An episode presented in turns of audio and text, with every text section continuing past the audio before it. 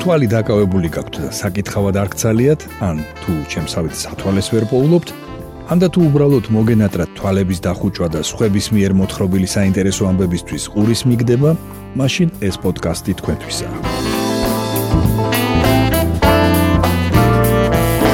გამარჯობა.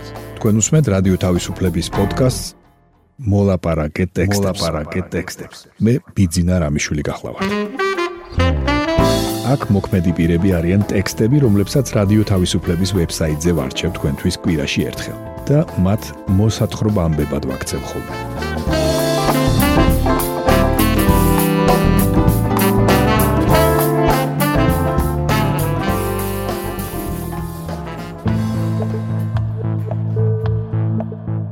მოგითხრობთ თბილისში გადაღებულ ფილმზე ირანელი ძიუდოისტი ქალების შესახებ. გესაუბრებით YouTube-ის ბედზე რუსეთში. წაგიკითხავთ ოქროპი რუხაძის სტატიას სპორტის სასახლეში მალულად გაშლილი შავთეთრი ტატამი. მობილური ტელეფონი არ უნდა მოგვეხმარა. მხოლოდ უნდა გვეყურებინა, როგორ იღებდნენ თბილისში სპორტის სასახლეში ირანელი და ისრაელელი რეჟისორები ისტორიაში პირველ ერთობლივ ფილმს ტატამს. გადაღება ლამის საიდუმლოდ მიმდინარეობდა, რათა ირანის მთავრობის შესაძლო ჩარევა თავიდან აეცილებინათ. ჩვენ არ უნდა გაგვეთქვა, რომ ასეთ ფილმს იღებდნენ. ძველმა მეგობარმა ზარ ამირ ებრაჰიმიმ შარშანწინ კანის კინოფესტივალზე წმინდა ობობაში ქალის როლის საუკეთესო შესრულებისთვის პრემიის ლაურეატმა და ახლა ტატამის თანარეჟისორმა მოგცა შესაძლებლობა შევპარულიყავით და გვენახა როგორ მუშაობდნენ ამ უნიკალურ სპორტულ პოლიტიკურ თრილერზე. ქართულ-ამერიკულ ერთობლივ პროდუქციაზე, რომელიც ქალთა ძიუდოზეა.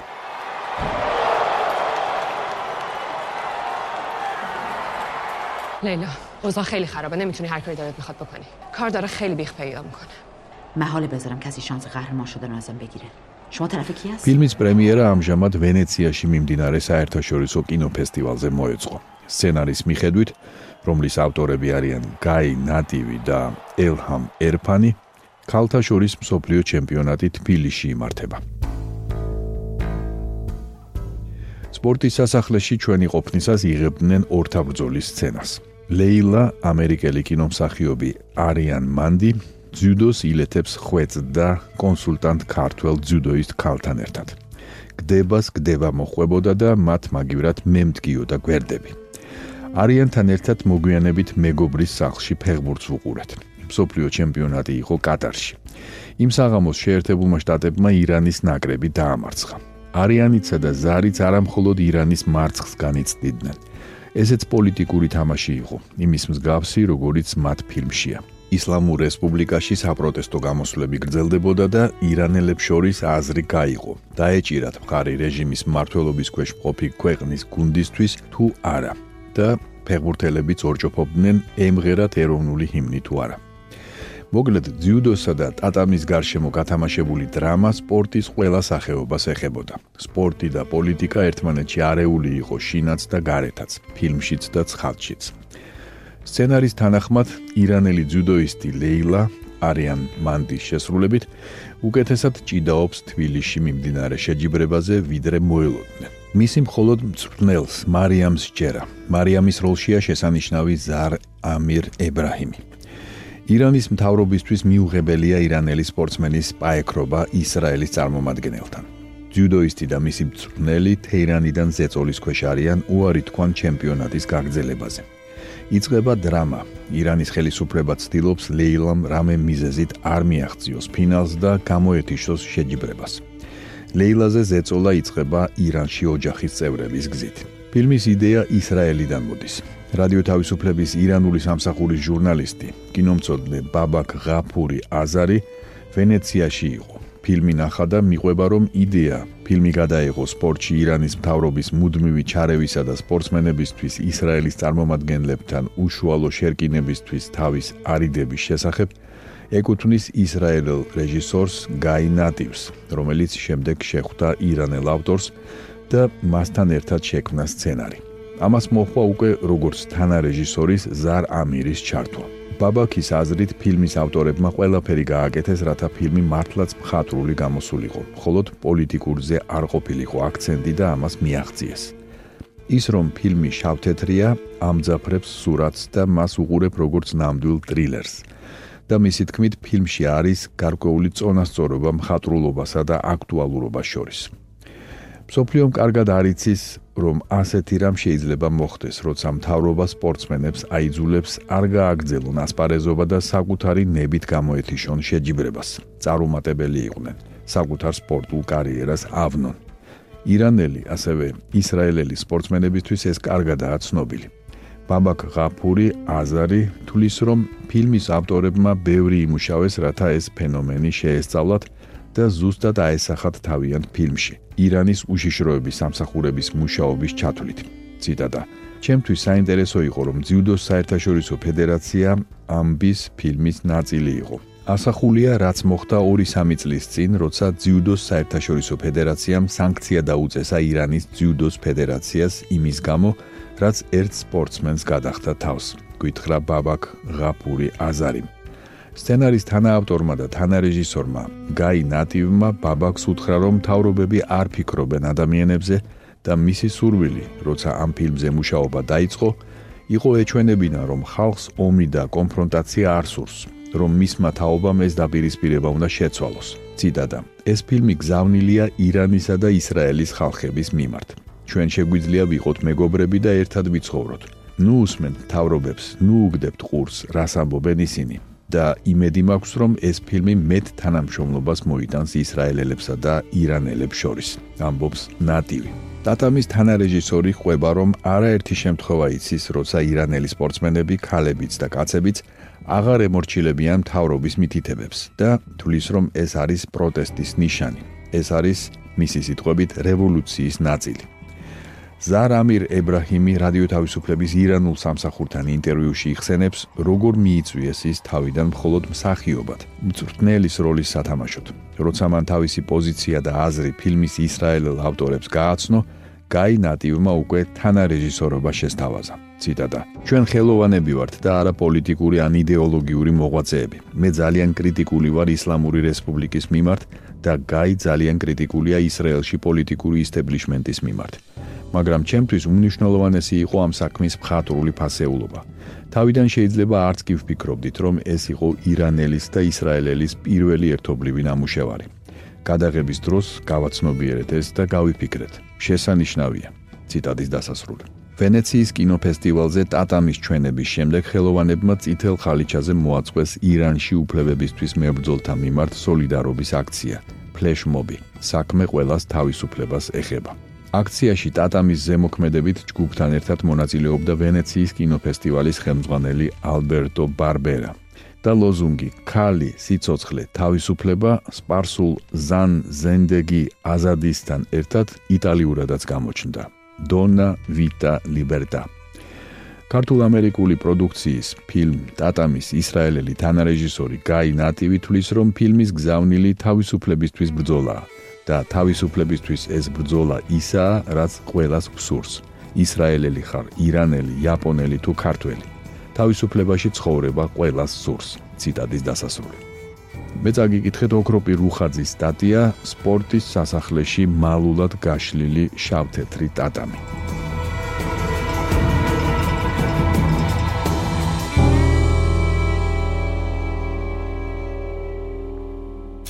თქვენ უსმენთ პოდკასტს მოლაპარაკე ტექსტებს.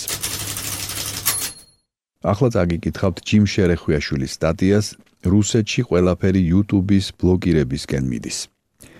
2023 წლის გაზაფხულზე მოსკოვში იმყოფებოდა კიბერსაფრთხეების ჩინელ ექსპერტთა 51 კაციანი ჯგუფი, რომლის წევრები რუსული მედიით გავრცელებული ინფორმაციით ადგილობრივ კოლეგებთან ერთად ამზადებდნენ ტექნიკურ საგზაო რუკას YouTube-ის სრული ბლოკირებისთვის. გამოითქვა ვარაუდი, რომ პროექტისთვის ჩინეთი გაიღებდა ეგრეთ წოდებული დიდი ჩინური ფარის ტექნოლოგიის ნაწილს. დანარჩენს კი რუსული და ბელარუსული კომპონენტებით შეავსებდნენ. ერთობლივი მუშაობის საბოლოო შედეგი კი უნდა იყოს რუსეთში YouTube-ის დაბლოკვის ტექნიკური შესაძლებლობა, რასაც მოხვება ყველა ტიპის VPN-ის დაბლოკვაც.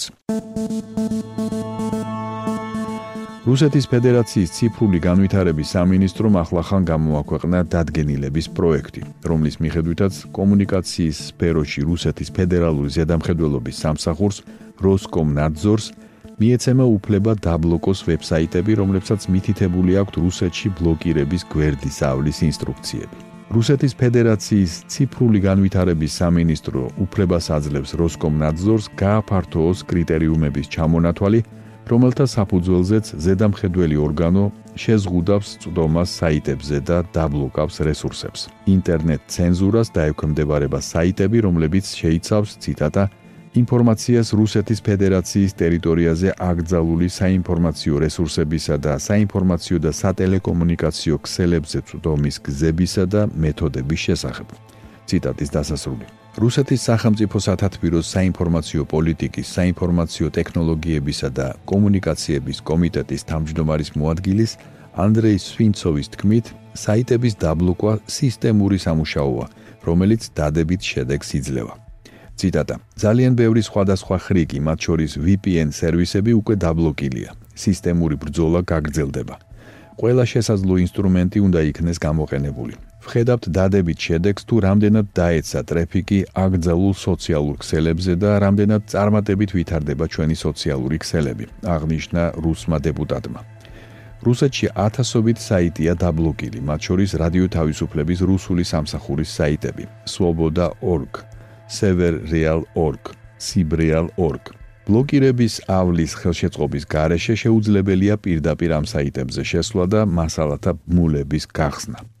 სწორედ ბლოკირების გვერდის ავლის ერთ-ერთი ინსტრუმენტია VPN-ი. რუსი დეპუტატის თქმით, საიტების დაბლოკვა ეფექტიანია და ამიტომ VPN-ის გამოყენებისთვის სასჯელის შემოღება არამიზანშეწონილი იქნება. მით უფრო რომ VPN სერვისები საჭიროა არამხოლოდ შავსიაში შეტანილი საიტების მოსანახულებლად. ციტატა მიუხედავად იმისა, რომ ზოგიერთი სოციალური ქსელი აკრძალულია, იქ ბევრი ადამიანი ურთიერთობს თავის ახლობლებთან. ვიღაცას საზღვარგარეთ ნათესავები ხავს, ვიღაცას უბრალოდ სურს, რომ იქ ინფორმაცია განათავსოს თავისი მეგობრებისთვის. VPN-ი ასევე გამოიყენება არამხოლოდ ბლოგირების გვერდის ასავლელად, არამედ დაშიფრული არხების გამოსაყენებლად. მაგალითად, ბიზნესისთვის დაცული ინფორმაციის გადასაცემად. ამბობს რუსეთის სახელმწიფო სათათბირო საინფორმაციო პოლიტიკის საინფორმაციო ტექნოლოგიებისა და კომუნიკაციების კომიტეტის თავმჯდომარის მოადგილე ანდრეი სვინცოვი. როგორც რუსული მედია წერს, რუსეთის ფედერაციის ციფრული განვითარების სამინისტროს ამ ინიციატივის საჯარო განხილვა სამართლებრივი აქტების პროექტების პორტალზე 15 სექტემბრისთვის გამართება. მანამდე კი ცნობილი გახდა, რომ რუსულმა პროვაიდერმა როსტელეკომმა გამოცადა საიტი, რომელიც სავარაუდოდ შექმნილია YouTube-ის კონტენტის გასაფილტრად. როგორც ირკვევა როსტელეკომმა წერილები დაუგზავნა თავის თანამშრომლებს შეთავაზებით, გამოეცადათ რესურსი, რომლითაც შესაძლებელია ვიდეოების ყურება YouTube-ზე არა პირდაპირ, არამედ როსტელეკომის მიერ შექმნილი საიტის მეშვეობით.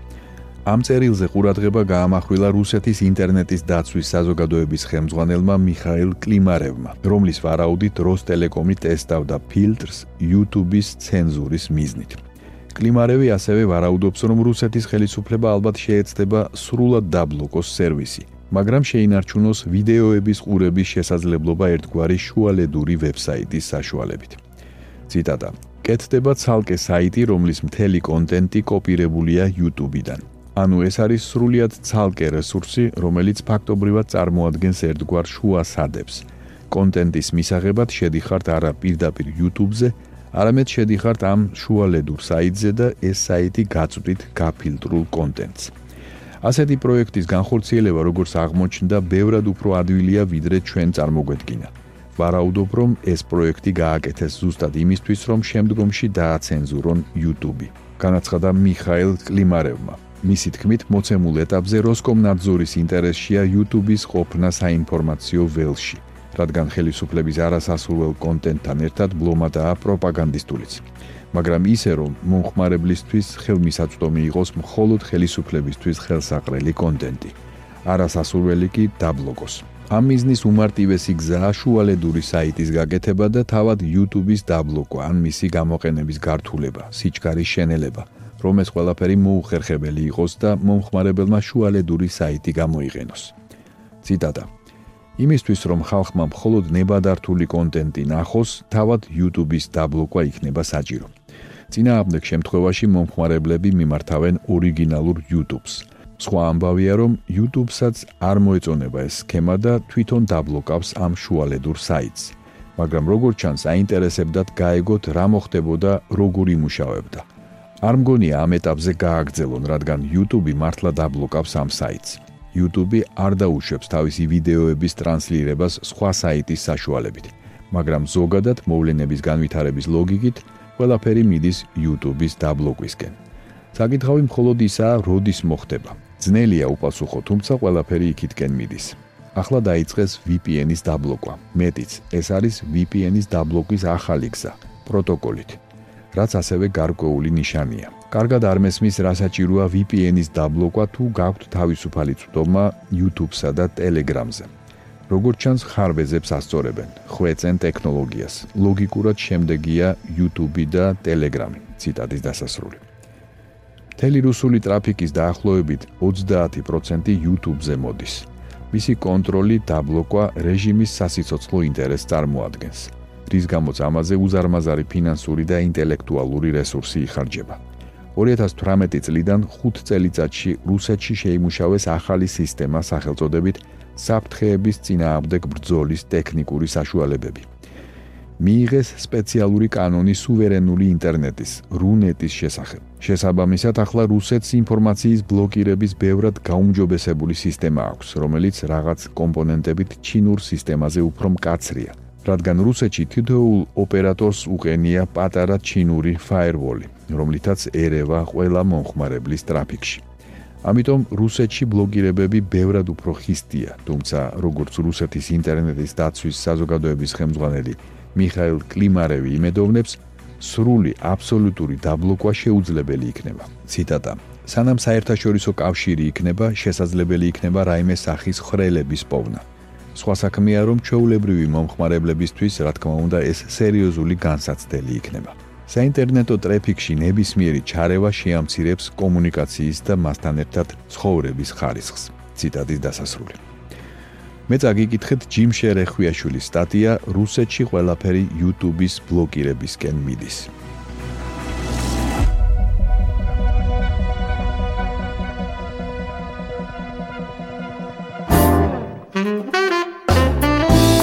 თქვენ მოისმინეთ რადიო თავისუფლების პოდკასტი მოლაპარაკეთ ტექსტები. მე კვირაში ერთხელ ვარჩევ რადიო თავისუფლების ვებსაიტზე გამოქვეყნებულ ტექსტებს და მათ მოსათხრობამდე ვაქცევ ხოლმე. ჩვენი პოდკასტი შეგიძლიათ გამოიწეროთ, ჩამოტვირთოთ ან მოისმინოთ პირდაპირ რადიო თავისუფლების ვებსაიტზე. მისი მისამართია რადიო თავისუფლება.ge. თუ ჩემი მიერ მოთხრობილი ტექსტები სრული სახით დაგაინტერესებთ, მათი მოძებნა იულია. ვებსაიტზე, პოდკასტის გვერდზე იპოვეთ ყოველ ცალკეულ პროგრამაში მოთხრობილი ტექსტების ბმულებს. მე ბიძინა რამიშვილი ვარ. მომავალ შეხვედრამდე.